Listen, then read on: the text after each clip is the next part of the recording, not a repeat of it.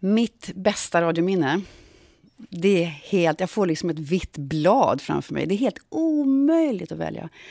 Eh, 22 år och säg 60 värdar per år i snitt. Förstår du hur många program jag har varit inblandad i och hur många människor jag har träffat och hur mycket fantastisk radio jag har varit med om att få producera. Jag har suttit som alla andra och bara glömt bort tiden och fällt en tår när Mustafa Jan pratar eller eller varit med i debatten efter Lena Anderssons eh, program om Jesus. Alltså jag har en sån lång historia med Sommar. Och det har hänt så mycket i kölvattnet. Jag åkte till eh, New York för länge sedan med min då lille son och kom hem till Kofi och Nan Annan. För Nan Annan skulle göra Sommar och min son han började med att hjälpa dem att göra ordning i deras datarum, för det var han duktig på. Han gick i femte klass.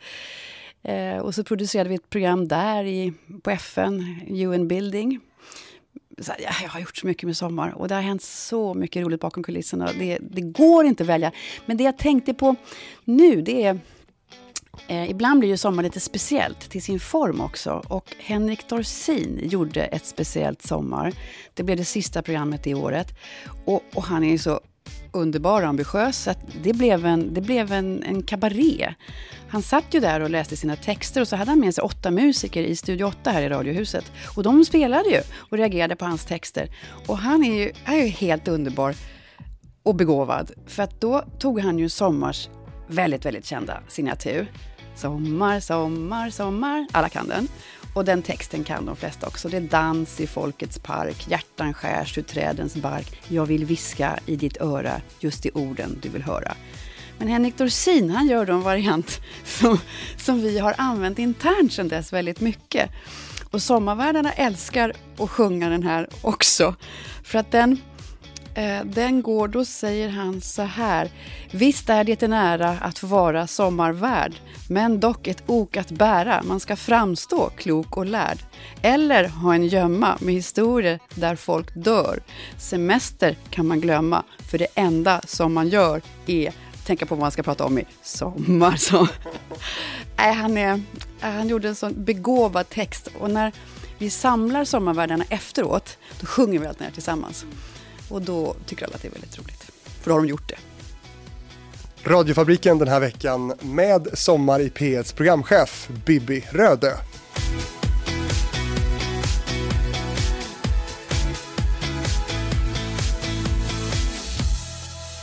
Ja du Bibi, vilka, vilka roliga minnen. Alltså, hur mycket får man egentligen ta ut svängarna i sommar eh, som värd? Väldigt, väldigt, väldigt mycket.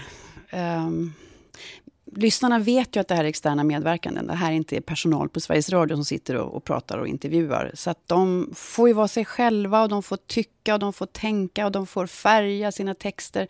De har en väldigt, väldigt stor frihet. En, en gigantisk frihet.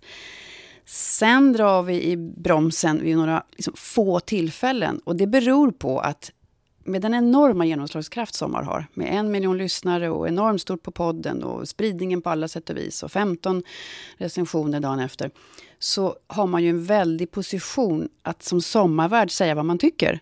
Och kanske att det drabbar andra människor. Eller man berättar sin version av någonting. Och där är vi väldigt noga med att påpeka att det får inte drabba någon annan som inte kan försvara sig. Eh, så där måste vi säga ibland att man inte får namnge en person i vissa fall. Man får inte förtala någon förstås. Eh, man får inte göra reklam för mycket för sina produkter. Men det är, det är lite sunt förnuft eftersom sommar har så stort genomslag. Det har jag tänkt på några gånger själv som lyssnare, det här när man pratar om andra. Alltså, för det görs ju också frikostigt.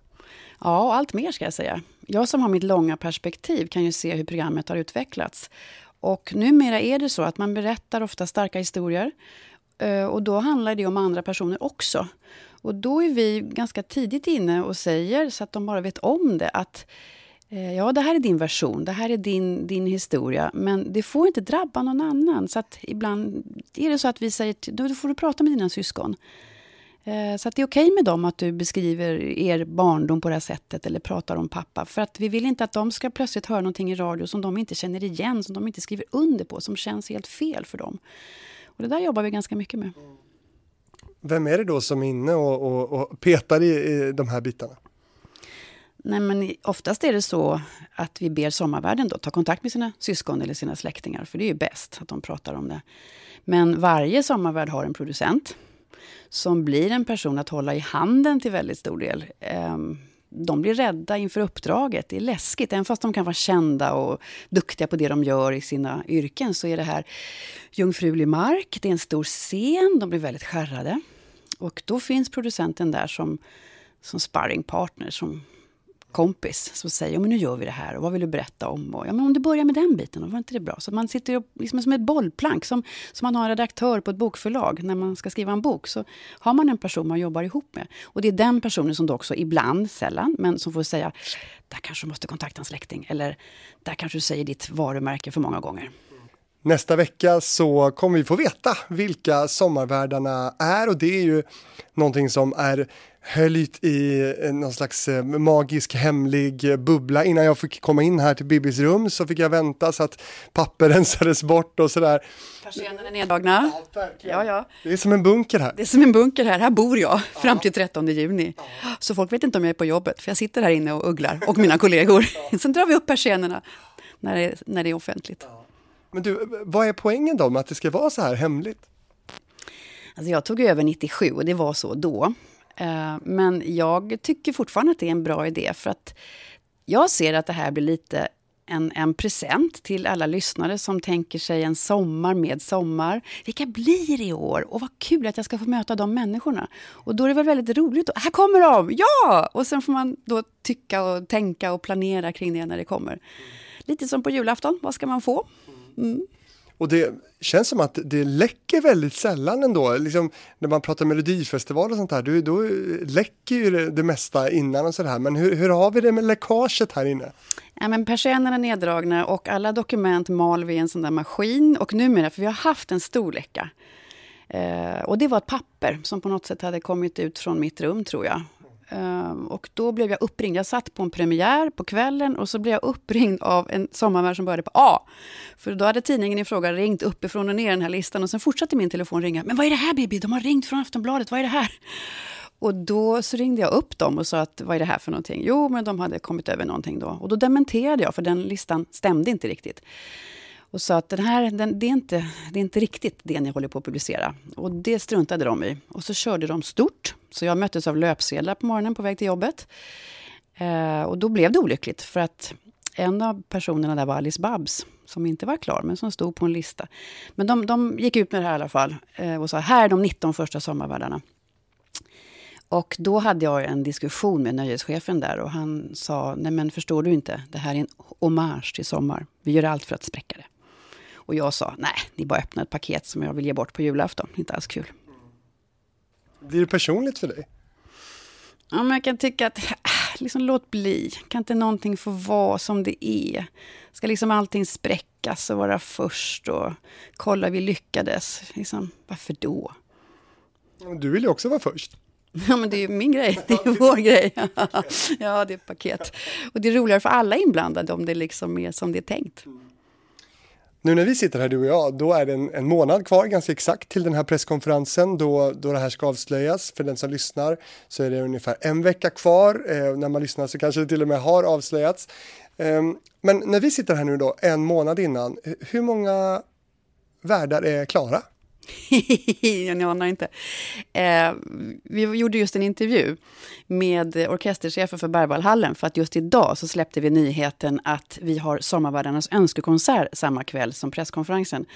Och det är ju då just sommarvärdarna som får önska sig olika stycken och fantastiskt flexibel symfoniorkester som då ser till att kunna spela detta. Och så är tanken att värdarna ska få berätta om varför de har valt det och, och, vad de tycker om musiken och så. Och just nu, idag, i samband med den här intervjun, då sa jag till den ansvariga du har just bokat in en sommarvärd till, din kanonperson. Åh, hon måste få önska! Och han såg lite matt ut. Men eh, det kommer nog gå, så att vi håller på med de sista. Mm. Ja, hur, hur, många är, alltså hur många platser har du kvar? Mm, ett par. Ja. Så det är så pass tajt ändå alltså? Nej, men det händer så mycket. Det är 58 sommarvärdar. Eh, folk blir sjuka, folk får prestationsångest. Eh, hur många är det då som har tackat ja som till slut får kalla fötter och, och sen liksom hoppar av innan inspelning eller sändning? Det händer, men Eh, just i år har vi faktiskt haft tre dödsfall av inbokade sommarvärdar. Rickard Wolff. Mm. Och vilka är det mer nu då? Det är ju eh, Rickard Wolff och vilka är det mer? Ja, ska vi säga det här? Ja, det kan vi väl säga. Rickard eh, skulle göra sommar och var helt på och ville göra sommar in i det sista. Eh, Lill-Babs var en annan. Och sen eh, hade vi faktiskt hunnit spela in i princip programmet med Kenneth Gärdestad. Men eh, sen saknades det sista, så vi gör ett Svenska ikoner med honom istället. Oj, vad, vad, vad tungt. Mm. Väldigt tungt. Väldigt tungt, för man, man, eh, man har kontakt med värdarna och de vill så gärna. Och, ja, och så blev det inte av i de här tre fallen. Är det en tanke som, som du har det här med att, att man vill försöka fånga upp dem som faktiskt kanske, som man vet, Eh, är på något sätt på bristningsgränsen som inte kommer kanske finnas kvar så länge till? Ja, både och. Eh, det var som med Christian Gidlund som gjorde ett fantastiskt program. Han var ju drabbad av cancer och där förstod vi ju alla hur det skulle gå. Det gjorde det också strax efteråt. Eh, det har hänt, Christian Falk blev det också så med. Och då minns jag att det var någon slags, jag var nere i Frankrike då och blev uppringd också tror jag av Aftonbladet som sa att Alex Schulman hade någon krönika om eh, min cynism, att jag lät folk prata när man visste att de var döda. Nej, att jag sände program när de skulle dö. Ja, det var något sånt där horribelt, så jag förstod inte ens resonemanget. Utan det var ju mer att i Christian Falks fall vad hade det varit hans dröm alltid att göra sommar. Och i Christian Gidlund likadant. Och då, då var det så att om vi skulle hinna göra det så var det nu. Men samtidigt så, det är inte så att vi, vi så att säga söker upp människor som på något sätt har en begränsad tid att leva. Så är det inte. Och det får ju inte bli heller så att sommar... Det, det är tunga ämnen. Sommar ska också vara och är liksom lyckligt och roligt och roliga berättelser och mitt i livet och utan att det blir så mycket allvar. Ja, det är ett otroligt pussel att, att lägga varje år. Är det så att du också jobbar framåt så att du har redan nu kanske pejl på värdar 2019, 2020? Alltså vi försöker ha ett, ett blankt blad så man inte bokar upp sig och, och har lovat och sen vill man inte det längre.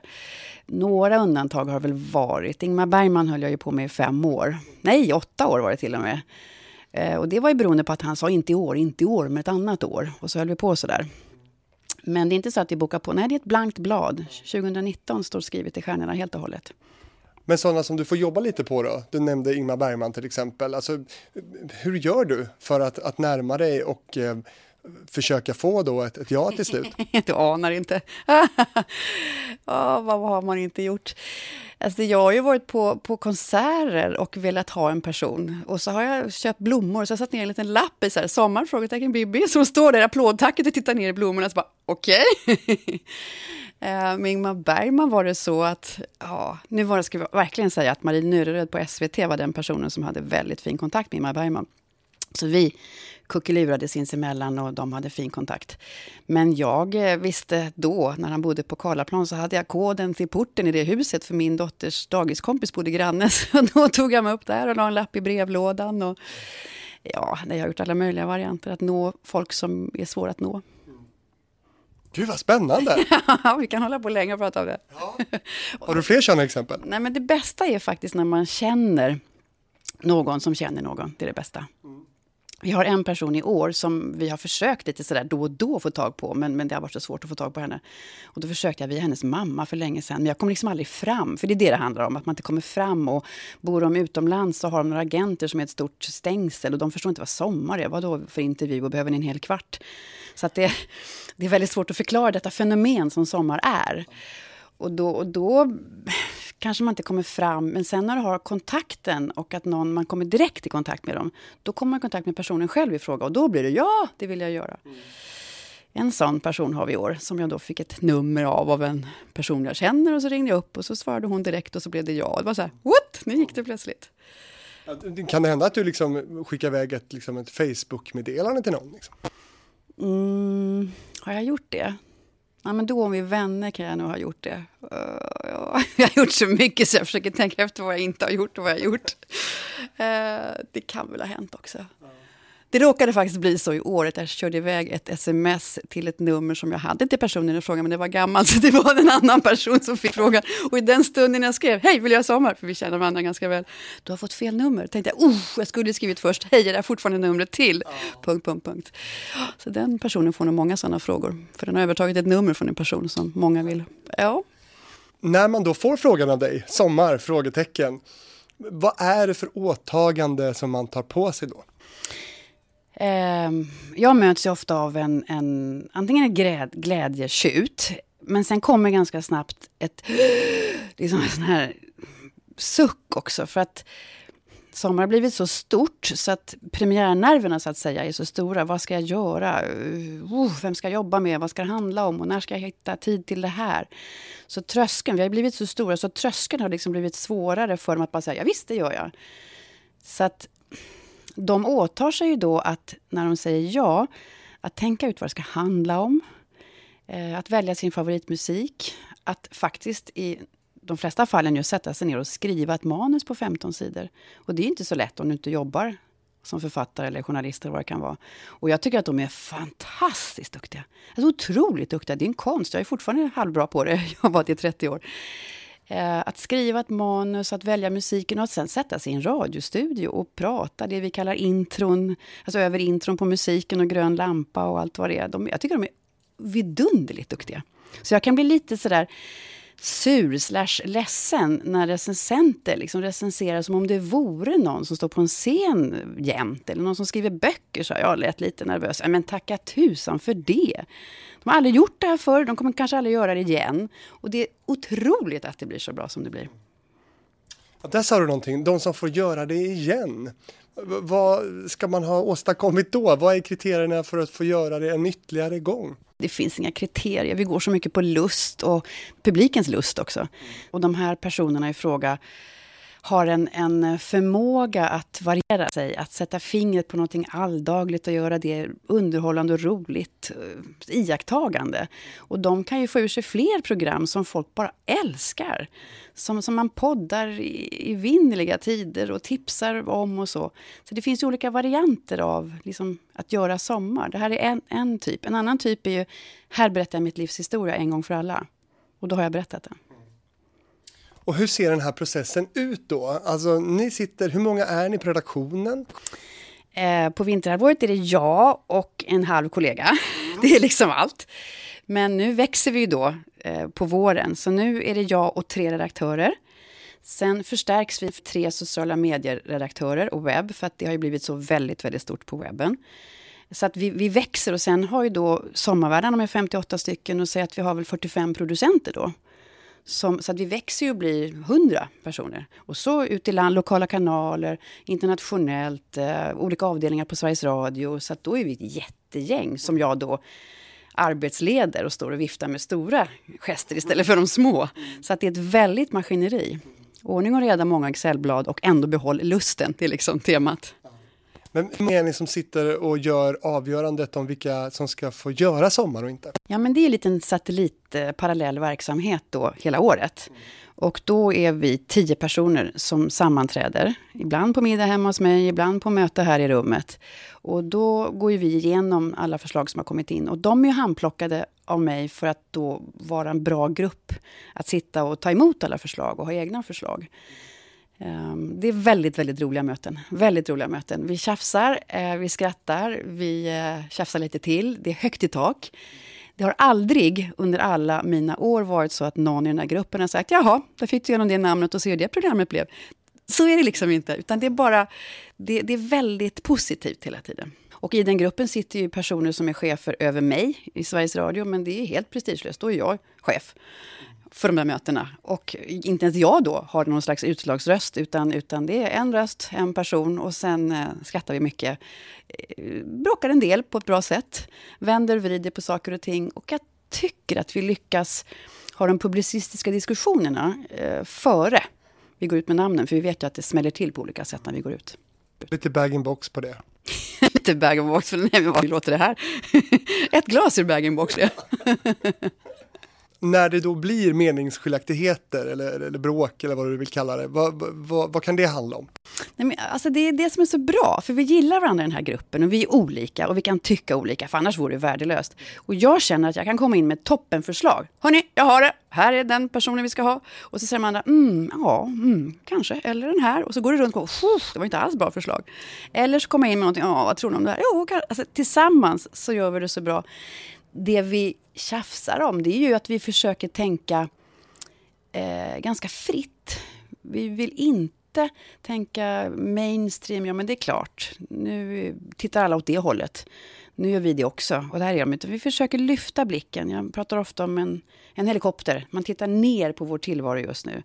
Eh, och vilka vill vi höra? Vilka, vilka ska få höras i sommar i sommar? Och då försöker vi titta liksom uppifrån, ett större perspektiv än det som faktiskt bara blir här nere ibland av farten. Vi zoomar ut? Ja, vi zoomar ut. Och försöker ifrågasätta rådande ordning. För de där sakerna, de förändras ju över tid. Men är det alltså så, förstod jag det rätt, att ni, ni sitter och röst, handuppräcker? Liksom så, eller? Nej, vi tjafsar och gafflar och pratar och sen ja, så blir det. Så blir det. Mm. Ja.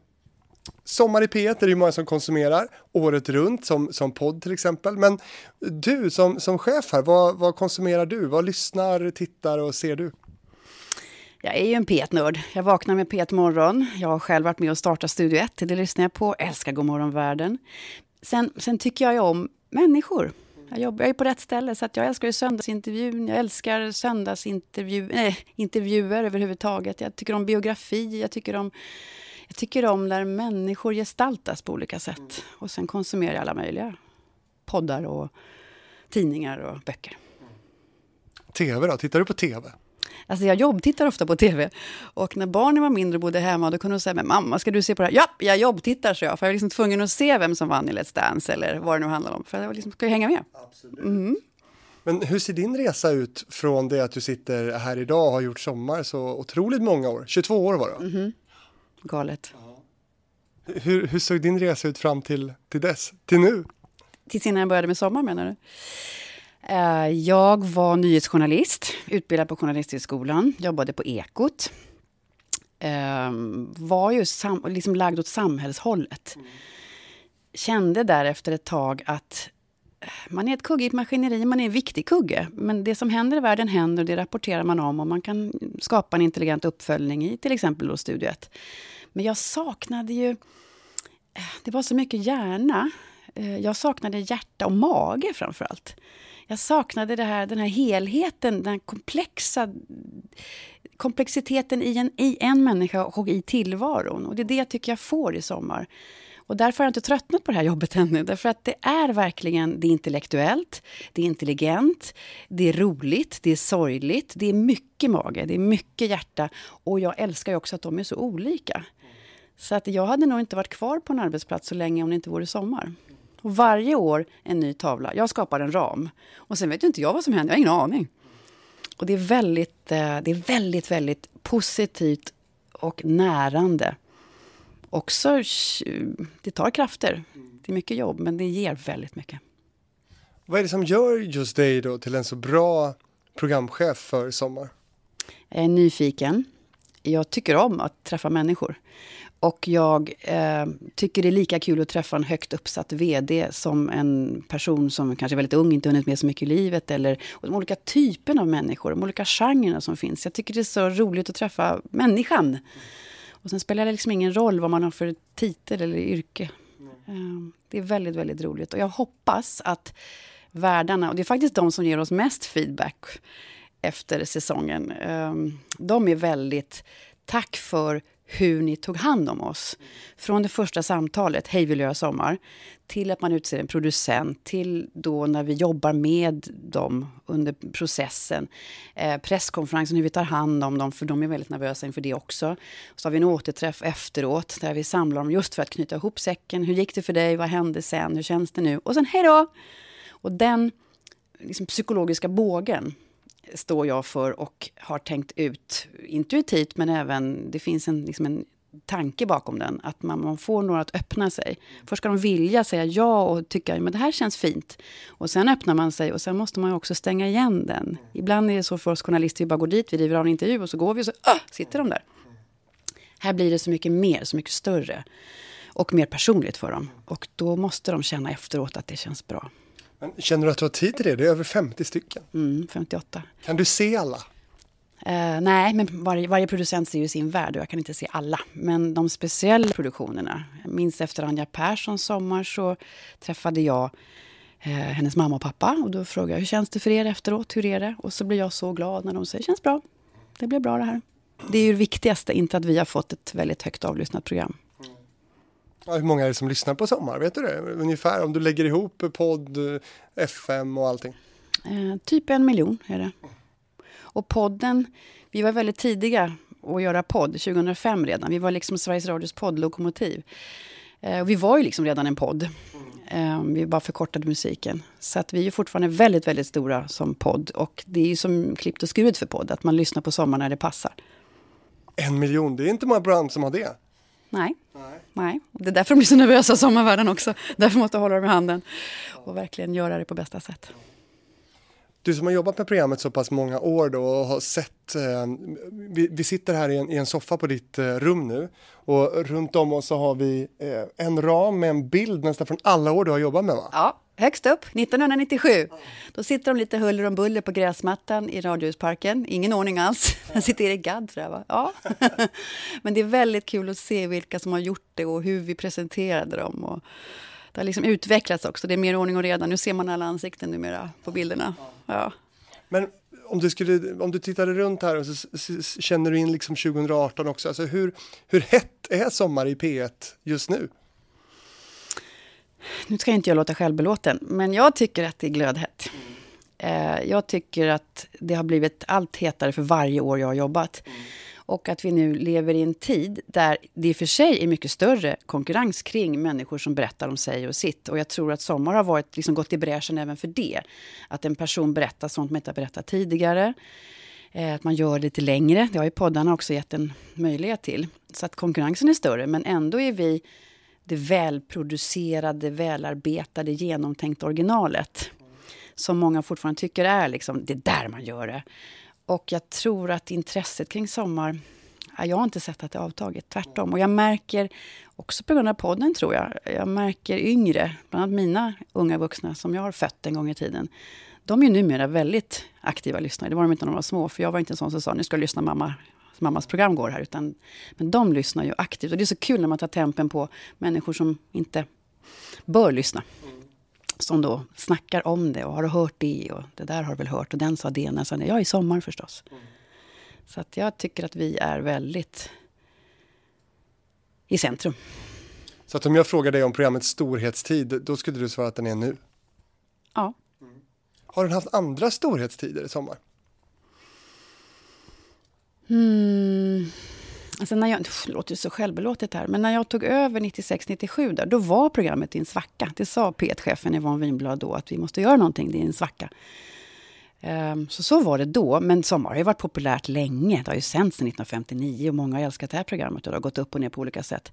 Men liksom den här storleken och det här att vi är en, en eh, lägereld, en nationell angelägenhet, att man, att man vet vad någon har sagt i sommar och att det förs vidare och att det händer saker efter sommarprogrammet. Det, tycker jag, det är nästan det som är min största drivkraft nu. Någon sa något i sommar och det innebar att någonting förändrades. Till det bättre ofta. Då blir man, ja! Yeah! Då är det en mening med allt jobb. Du vill förändra världen? Nej, men ett samhälle fungerar ju så. Det är inte en statisk, statiskt tillstånd, utan ett samhälle förändras med sina människor. Och det är ju genom att man pratar med varandra, att man debatterar, man skriver böcker, man skriver debattinlägg, man gör sommarprogram, man, man påverkar på olika sätt andra människor. Och de som lyssnar på Sommar får ju då idéer, tankar kring hur de ska agera i sitt liv. Mod till att göra någonting de inte har vågat eller hantera en situation på ett speciellt sätt. Och då, det, det är ju det som skapar vårt samhälle. Så jag tror att vi är väldigt viktiga där. Nämnde du det? Hur, du nämnde ju din bakgrund, men hur hamnade du? Varför blev det du som hamnade här?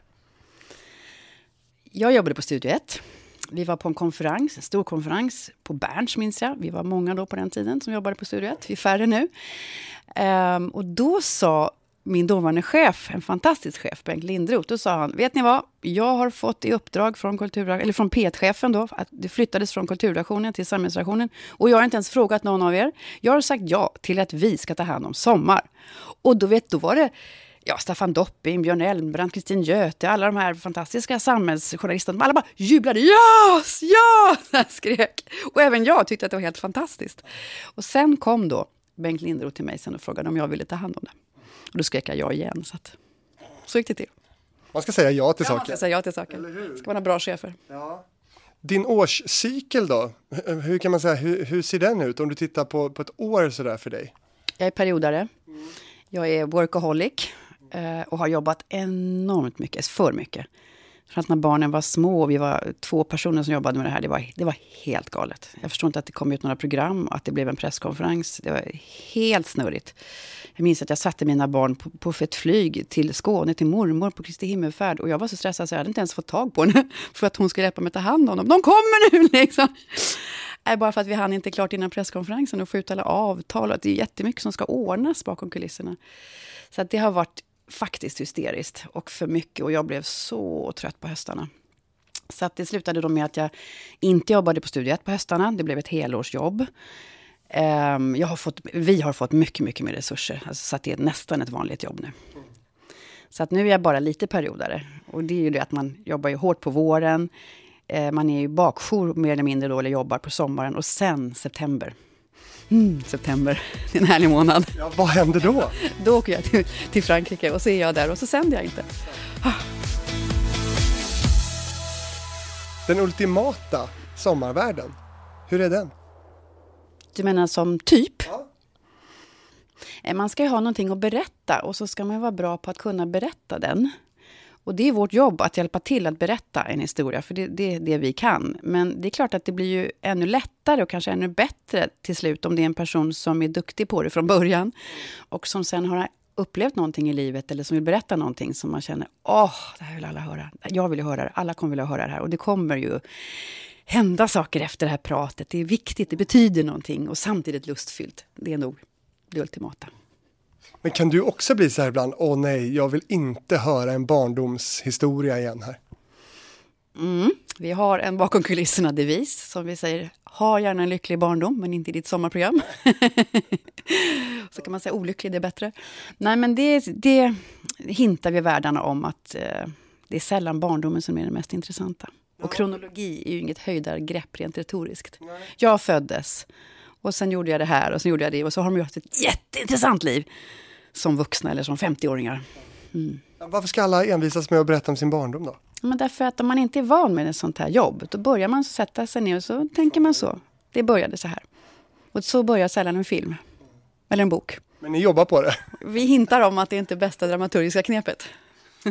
Du, hur många är det som hör av sig till dig idag för att de vill vara med, uppvakta dig? Jättemånga. I början tyckte jag det var charmigt. Jag var lite förvånad. Titta, det ringer på min telefon, vad roligt. Jag lyssnade idogt på de första samtalen, minns jag, 97. Och sen är det ju väldigt mycket. Väldigt, väldigt mycket. Och folk är ju väldigt trevliga. Jag förstår att det är en dröm för många. Ibland blir det lite sådär att man får höra att man är en idiot som inte väljer någon. Att man liksom inte har förstått deras storhet. Och då blir det så här, åh, kan du lägga på nu? För vi har inte bett dem höra av sig, utan ja, de ringer. Wow! ja. Men hur många är det då som hör av sig ett vanligt år? Liksom? Oh, det är jättemånga. Ja, men vad kan det vara? 500? Ja, men det är hur många som helst. Det var därför vi startade det här med Lyssnarnas sommar. För det var ett sätt att skapa en slags audition. Att, ja, men hör av dig dit, så kan vi höra på hur det skulle bli ett program. Vi kan inte sitta och svara telefon hela dagarna och tömma postboxen och e-postkorgen och färdiga manus. Och, uh. Men vad säger du då till en, en eh, halvkänd kulturprofil som, som gärna ringer upp och vill vara med i, i sommar? Alltså man vill inte göra folk ledsna, men man kan bli lite trött om de är dryga, så kan man väl säga. Så då försöker jag säga, oj du är på väg på en grej här, hinner inte prata just nu, för att det blir... Got the message, liksom. Jag kan inte lyssna på hur mycket samtal som helst. Men hur många av de som ringer upp, blir det faktiskt program av sen då? Att du blir positivt överraskad att någon ringer? Det händer. det händer. Det kanske jag inte ska säga för då kommer alla fortsätta ringa. Nej men det händer för att då påminner de om oss om deras existens eller att det hänt någonting eller vad de skulle vilja berätta. Så det händer ju rätt ofta. Har du något sånt exempel?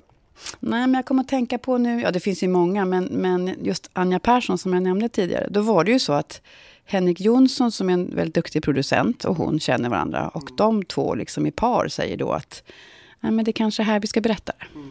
Och då kommer det fram den vägen och då ska Anja Persson göra Sommar igen. Mm. Så kan det gå till. Så kan det gå till. Hur många ambitiösa, liksom, riktigt genomarbetade liksom, demos och, och manus och så får du då? Som, där det faktiskt är någon själ som verkligen lagt ner mycket tid och, och, och vill det här väldigt mycket. Eh, ganska många. Det ligger en hög där, den kom igår. Ja, alltså... Det kommer mycket. Och någon gång så kom det någon, ja, de skickade med material, eller det var någon bok och så kan vi inte härbärgera allting. Så den åkte till pappersinsamlingen och då blev människan jättearg över att vi hade slängt boken och ville ha betalt för den. Så de fick betala 250 kronor för den här boken. Så, jo, men det händer alla möjliga saker. Men, men vi har liksom inte någon möjlighet att... Vem var det? Outa? Nej, nej, det var en kvinna, så kan, kan jag säga. Hon var arg. Vi letar febrilt efter den här boken, men vi hittar den inte. Anna Skipper. Mm -hmm. men kan man bli då sommarpratare genom att anmäla sig själv? Ja, det har ju hänt. Uh -oh, nu får du massa, ja. De du frågar då, som du verkligen skulle vilja ha, hur många tackar nej? Mm, jag kan med gott samvete säga att under mina 22 år så har jag, jag kan inte komma ihåg någon som har slängt luren i örat på mig och sagt det där skitprogrammet vill jag inte vara med i. Utan när de tackar nej så är det ju för att de får panik. Eh, de hinner inte, det går inte in i planeringen. Eller Ingmar Bergman, han hade inte tid då, och så fortsätter man fråga. Eh, jag minns Ulf Lundell, han tackade nej ett år för att det sändes i P1 och han tyckte att det skulle sändas i P3. Eh, och det var ju svårt för mig att ändra på. Men då så sa jag, men P1 har ju väldigt många lyssnare nu och så. Ja, men då var det svårt ändå, därför P3 då var den folkliga kanalen. Och det var inte P1, det var den elitistiska kanalen, typ, intellektuella kanalen. Ja, det var ett resonemang där, så det blev ett nej av den anledningen. Men sen gjorde han Sommar några år efteråt i P1, så att han måste ha, vet, vet jag, vi kanske blev folkliga. Ja. Men väldigt få nej alltså? Eh, ja, relativt få nej. Men vi håller på med ganska många personer som är svåra att få tag på. Så det blir ju en del. Vi ringer inte bara 58 telefonsamtal. Nej. Men ni får ju bra namn. Det är ju en otrolig lista som presenteras varje år. Man kan tänka sig att, att de största namnen, att de också kanske kommer med en liten kravlista till er. Vad, hur mycket sånt mottar du? Krav från ena, alltså från andra hållet? Nej, men det är väldigt många som hör av sig. Eh, och ibland så flyger det stekta sparvar i mormun för att de har en historia, alla vill få tag på dem, men de väljer att göra sommar. Så de hör av sig till oss. Mm. Det händer ganska ofta nu faktiskt. Men någon kravlista, det godkänns inte. Eh, Ingmar Bergman hade faktiskt det. Det är faktiskt mitt enda undantag. Han ville att programmet skulle vara slut när han var färdig. En öppen sändningstid? Ja, men det var hans tanke då. Men sen så blev det bara fem minuter för långt. Och då minns jag att Helge Skog gjorde Sommar det året och de hade en beef de två. Så Helge sa i sitt Sommar, han var jättesur. Jaha, nu börjar det vinkas här i kontrollrummet. Min producent pekar på klockan. Jaha, snart är klockan 14.30. Vissa måste sluta då när programtiden är slut. Andra får fortsätta. Men det är nog det enda avsteget faktiskt. Men kan det finnas önskemål om hur man vill producera eller var man vill producera? Man kanske vill göra det i USA eller så? Jo, så är det. Och vi måste ju också, om det är någon som är väldigt, väldigt upptagen och bor långt borta, då försöker vi få till det på olika sätt. Mm. Eller att de inte hinner, kan skriva 15 sidor manus. Då, då hjälper vi dem på olika sätt. Hur då? Hur hjälper ni dem med det? Nej, men då får de prata. Prata, prata, prata, prata. Och så hjälper producenten dem att skriva ner det. Var det något sånt här du ville Alltså de skriver ner vad de säger. För de är inte vana att skriva på dator och få till det helt enkelt. Och sen säger de, ja det här, det är det jag skulle, det var det jag sa. Mm. Och ni då, vad har ni för krav på sommarpratarna? Är det att de måste komma på presskonferensen? Ja, det är faktiskt, annars blir du papphuvud säger vi. det var faktiskt en person som är högt uppsatt i samhället som då inte visste om man skulle komma. Och då sa han, då blir du papphuvud! jag kommer, jag kommer, jag kommer. Uh, nej, men vi har ju kravet att de, vill, att de ska vilja göra det här, för annars är det ingen idé. Och att de går in för det ordentligt. Därför att annars blir det inga bra program och då skulle någon annan fått frågan istället. Kommer det märkas i sommar i P1 i år, den här sommaren, att det är valår? Ja, för att inte ha några politiker. Inga alls? Avsaknaden av politiker är så man märker det. Vad får de betalt, sommarvärdarna? Ja, det är samma för alla. Anette Ekberg ville få upp gaget, men det gick inte. Hon var inte så glad över det här gaget alls, för det är inte mycket att yvas över. De får 10 000 om de har firma, vilket de flesta har nu. Och så ska det ju skattas och betalas det ena och det andra. Men det är samma för alla. Det är inte mycket du. Nej, det är en jättedålig timpenning. Det sa Christer Henriksson till mig. Vivi, det här är den dåligaste timpenningen jag någonsin har haft. Och då räknar jag in tiden som arbetslös skådis. Ja. nej, du vet, om man jobbar länge med det programmet, vilket många gör, då är det inte mycket. Är det ditt jobb att försöka förhandla upp det här med dina chefer, eller vad, hur är processen? Mm, det har jag gjort också. Men det blir ju mycket, allting är gånger 58.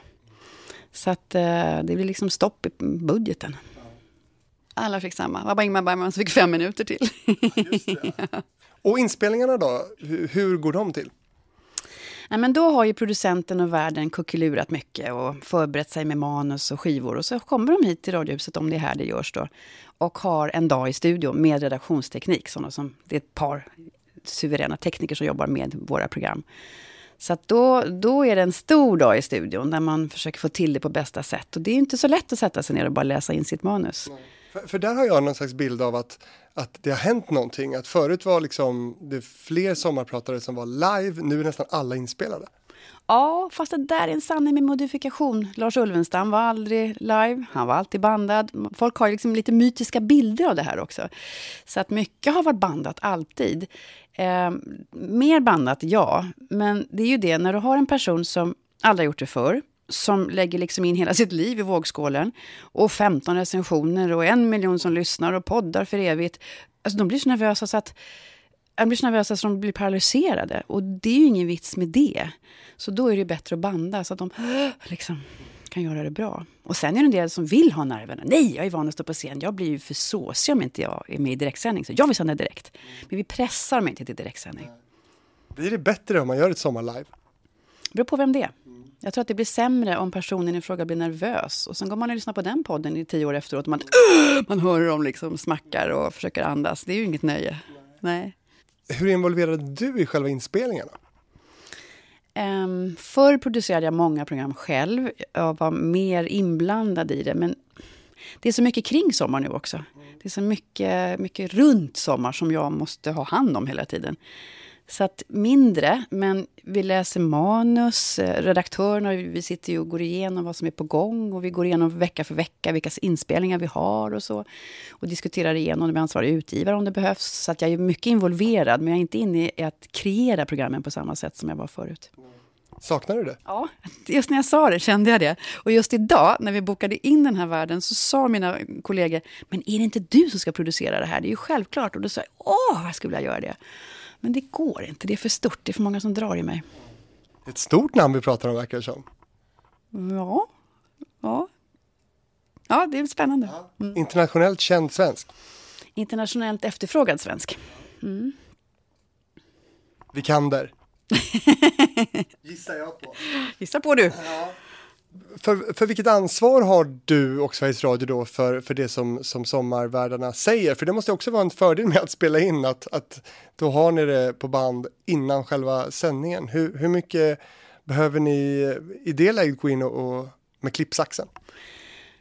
Men det vill vi inte alls göra. Um, det gör vi inte. Alltså det bästa är att man har den här diskussionen, till exempel det där, har du pratat med din bror om hur du beskriver er uppväxt? Liksom, det ska man göra innan, så att inte det blir någonting, men herregud, här är det inte kollat, nu måste vi klippa. Uh, och förr när det var så oerhört stressigt så kunde det hända ibland att det blev sådana saker som, men herregud, nu säger han ju tre varumärken på tre sekunder, liksom gånger tre, det här går inte. Och det är dumt om det blir så, så att nu har vi lite bättre resurser så att vi kan då ha styrt upp det före. Vi vill ju gå in så lite som möjligt. Men Edvard Blom var sur på dig? Ja, men det var ju tokigt bara. Det var faktiskt bara tokigt. Därför att um, ja, det var just en sån sak som var lite dum, att den liksom kom på ett dygn före, så det var inte någon timme före, men ett dygn före. Och det var bara en liten grej egentligen, men som var viktigt, för det handlar om förhärligande av droger. Eh, där vi hade ett bra samtal, jag och Edvard, tycker jag. Liksom, du, så här, kan man göra så eller så? Eller kan vi fixa till det på något sätt? Och det går på fem minuter, och vad tycker du? Men sen, sen blev det för jobbigt för Edvard. Ja, han anklagade er, eller dig, för censur. Ja, det, där tog han i alldeles för mycket. Mm.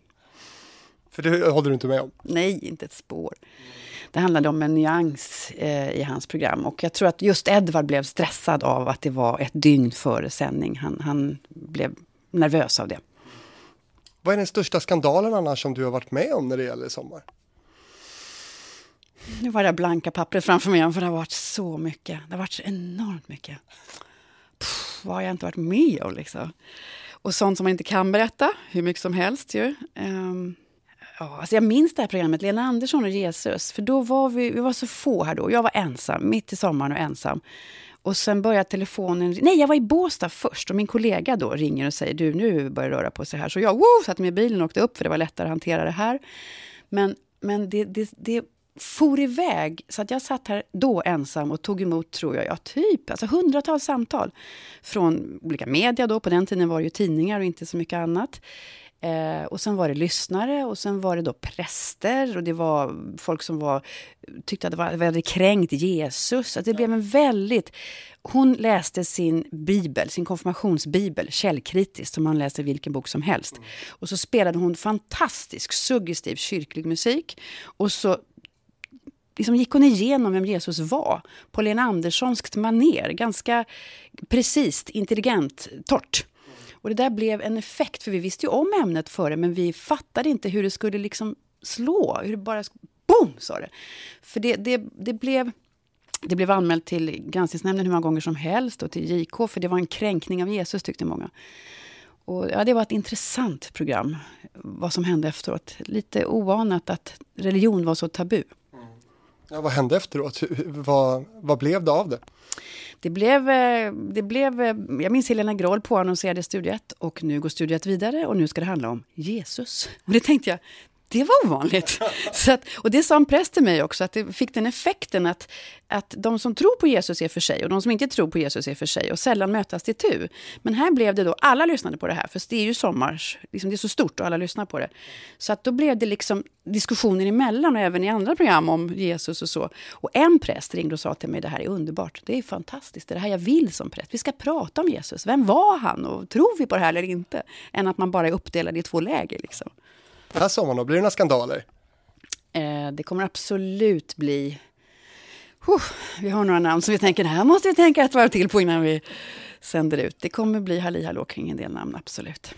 Mm. Men det gillar du? Ja. Och jag gillar ju att vi ska tänja på gränserna, det ska vara liksom stor yttrandefrihet. Eh, de ska vara fria att prata det de vill om, vi ska ha svåra ämnen. Eh, det ska liksom röra på sig, vi ska utmana våra hjärnor, både vi som jobbar med det och när man lyssnar på det. Så det är klart att det ska vara det. Men sen är ju då gränsen till dit men inte längre, det är den vi ofta hamnar och diskuterar. Sommar i P1, ett stort varumärke för Sveriges Radio, många lyssnare som vi har gått igenom. Eh, många, nästan alla tackar ja till att vara med i det här programmet. Det låter ju fantastiskt. Finns det några liksom uppförsbackar som du ser i projektet? Liksom, när är ditt jobb svårt? Eh, uh, när det ringer jättemånga och vill göra sommar, jag bara säger nej, nej, nej. Jag känner mig som en fabrik där man krossar drömmar. Det är inte roligt. Uh, det är väldigt mycket fix. Det är väldigt, väldigt mycket fix. Bara det att liksom få hit alla värdarna till presskonferensen och sen deras oro inför hur det ska gå och hur de ska jobba och hur man får till det hela. Det är väldigt, väldigt mycket att hålla i. Ställ upp 58 personer på en gräsmatta och så inser man det är väldigt många. Och vi sänder måndag, tisdag, onsdag, torsdag och lördag, söndag. Hela tiden. Hela sommaren. Så det, det är stort det här projektet. Och så många är vi inte som jobbar med det. Så att vi, vi jonglerar. You greet the queen, you sweep the floors. Har du någon sån där, du, du har säkert fått frågan förut, men har du någon drömgäst som inte har gjort eh, Sommar än? Jag har fått frågan förut. Mm. och jag har då svarat, och jag är väl likadant nu. Um, eftersom jag ser Sommar lite som ett axplock ur... Det här är Sverige. Det här är de som bor i det här landet. Det här är de som verkar och tänker, pratar, är i det här landet på olika sätt. Då. Så har jag ju tyckt att... Um, jag, jag träffar kungen och gör kungens jultal varje år. Och jag försöker liksom på något sätt bara föreslår detta på olika sätt. Hur gör du det? Eh, nej, men det går vi inte in på. Jobbet i slottet och hovet, det behåller man för sig själv. Varför då? För att eh, det är bäst så. Ja, det finns någon slags royalistisk eh, liksom, täckmantel här. Nej, inte realistisk, men, men eh, man anpassar alltid hur man ställer frågor och hur man arbetar med människor.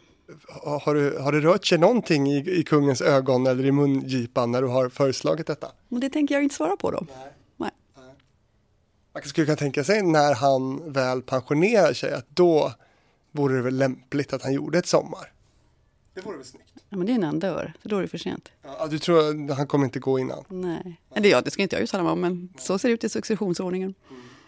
Precis, är, är kungafamiljen, är det, är det några som man verkligen, som står högt upp på önskelistan? Nej, men om du tänker att vi har haft sittande statsministrar, eh, överbefälhavare, olika, på olika positioner i samhället, eh, alla möjliga positioner, så kan man tycka att det är en intressant position i samhället. Vad hindrar honom tror du? Mm, Det ska inte jag heller svara på. Nej. Men okej, men eh, Zlatan då? Ja, men då är det så här att jag pratar ju aldrig om vad vi håller på med när vi håller på. Så Han måste ju ha fått en fråga såklart. jag passar. Det vore ju konstigt om man inte, det vore ju tjänstefel om inte Zlatan hade fått en fråga såklart. Men, men han har inte varit med i alla fall. Nej. Nej. Men det här hände på en presskonferens, att en journalist kommer fram till mig, det var där, Soliden 2008, jag ser fotot därifrån. Då kommer en journalist fram och så säger han så här, skulle du inte vilja ta Zlatan som sommarvärd? Jo, det hade varit trevligt. Och så blev rubriken, eh, Zlatan sa nej! Ja, det blir sådär. Stort program, stora rubriker. Ja. Det finns många man vill ha med såklart. Du, Sommar är ett program som också står ut i P1 eftersom det är ett program där, där musiken är ganska viktig. Det är ju ett musikprogram till, till, till stor del. Hade det inte passat bättre i P2 eller i P4 rent av? Det har gått i olika kanaler. Nu går det sedan 93 i P1 och det är ju det enda programmet i P1 där vi faktiskt har musik. Eh, jag tycker att det ligger bra i P1 ändå. Jag hade velat ha att vi samsänder i P4. Det har jag kämpat för som chef för några år. Och en var en chef som sa ja och sen sa en annan chef nej. Och så bytte de roller året efter. Så det liksom blev inte till slut. Men det hade jag tyckt var bra. För att det är ett P1-program i mångt och mycket. P1-publiken älskar det här. Och eh, många av de personer som de är intresserade av finns här. Det är också ett liksom, väldigt folkligt, lokalt program som P4 står för. Så att, eh, jag har inte lust att välja mellan dem. Jag har lust att sända i båda. Många lokala P4-stationer har ju egna lokala sommarvärdar. Vad tycker du om det? Nej, men om det tycker jag inte om. De kallade det sommar och sommarvärdar, vilket de nu inte gör längre. För det är väl jättefint att de har det, men då får de heta något annat. För det blev ju en sammanblandning. Och jag har gjort sommar, har du, sa vi, och så var det i Värmland. Vad heter det nu då? Nej, men i Värmland tror jag att det heter mm, Semesterpratarna, tror jag. Ja. Mm. Jag är ju journalist i själ och hjärta. Jag är också en rastlös, nyfiken själ som ska runt hörnet och se vad som finns där. Men jag har inte lust att gå runt något annat hörn än sommar, för det är det jag tycker är spännande att se vad som händer fortfarande. Det är fascinerande. Saknar inte nyhetspulsen? Nej, för att jag kan gärna numera höra vad som har hänt två timmar senare, det gör mig ingenting. Eller dagen efter. Finns det någon framtidskommission för, för sommar? Pratar ni någonting om hur, hur sommar ska utvecklas? Hur sommar ska låta om, säg, tio år? Vi pratar hela tiden om hur sommar utvecklas. Och det här helikopterperspektivet ingår ju i det. Att vi ser lite var är vi just nu och var är alla andra just nu? Och vad, vad vill vi vara framöver? Kanske inte tio år framåt, men, men det är det som är så fascinerande. Det här är, det här är som en stor båt.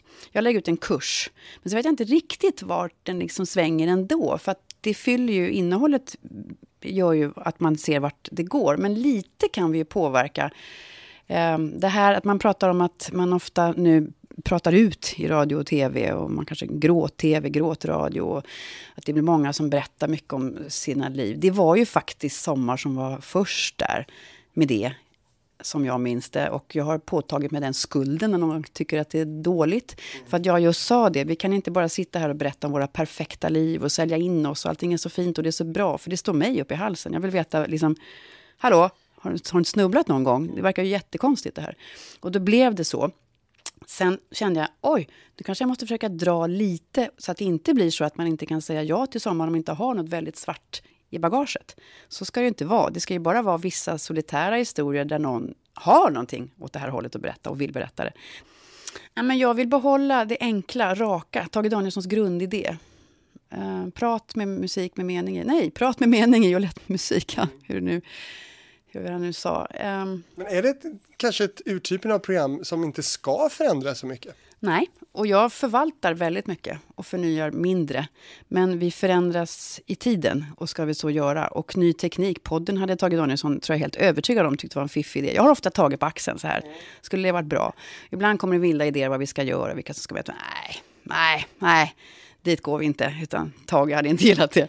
Utan man behåller någon slags kompasskurs oavsett vart det blåser, vad man tycker är bra. Och så måste man ha sin egen kompasskurs som det viktigaste. Man kan inte flänga en hit och dit på grund av opinioner. Men samtidigt känna att, ja, kanske vi går åt det hållet. Men alltid ha kvar människan i centrum och en närhet och en ärlighet. Det kan liksom aldrig bli fel.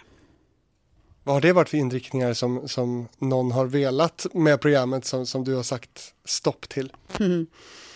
Nej, men effektsökeriet har jag svårt för. Eh, jag, jag, proklamerar ärlighet hela tiden. Inte, sök inte provokationer för provokationens skull. Vad ska jag göra för att märkas? Eh, om jag gör det här, det har ingen gjort förr va? Vad har ingen gjort förr? Försöka säga, men lägg ner. Bry dig inte om det. Vad vill du göra? Om du nu har den här tiden, en gång i livet. Ska du inte göra något som känns bra för dig? Och snegla inte på andra, bry dig inte om vad folk tycker. Utan här och nu, vad vill du göra? Sen håller vi dig i handen, jag lovar dig, även om folk tycker att det är urkast eller dina åsikter är helt galna. Ingen fara, vi håller i handen, det, vi rider ut den här stormen, livet går vidare. Bibi, vad spännande. Vi hade kunnat prata hur länge som helst om Sommar i P1 och det, det, ska vi inte göra nu. Men eh, du kan få fundera en sekund på om du har någon som du skulle vilja höra i radiofabriken. Så kan jag säga att för dig som lyssnar så är det så att eh, det finns en e-postadress, fabrikspost.gmail.com som du kan använda dig av om du vill kontakta mig eh, med förslag, med eh, hejarop. Jätteroligt att det är så många som hör av sig för övrigt. Jag läser naturligtvis allt. Och så får man lyssna på mig då med den här pollenallergiska rösten. Det, det är så det är i de här tiderna när björken är för jäklig. Du Bibi, är det någon som du tycker att jag ska träffa i radiofabriken? Känd som okänd som jobbar i, i den här branschen? Har du gjort en radiofabrik med Martin Wiklin med söndagsintervjun? Nej. Oh, Martin Wiklin han producerar sommarprogram också och jag som säger att jag älskar människor och intervjuer, han är jätteduktig och får till väldigt, väldigt fina intervjuer som jag alltid lyssnar på. Hälsa på Martin den tar jag med mig och han är ju spännande för han är ju frilansare och jobbar med produktionsbolag och sådär så det kan vara roligt att, att, att prata om, om den sidan också. Bibi Rödö, programchef på Sommar i P1. Tack så mycket för att jag fick träffa dig. Tack själv.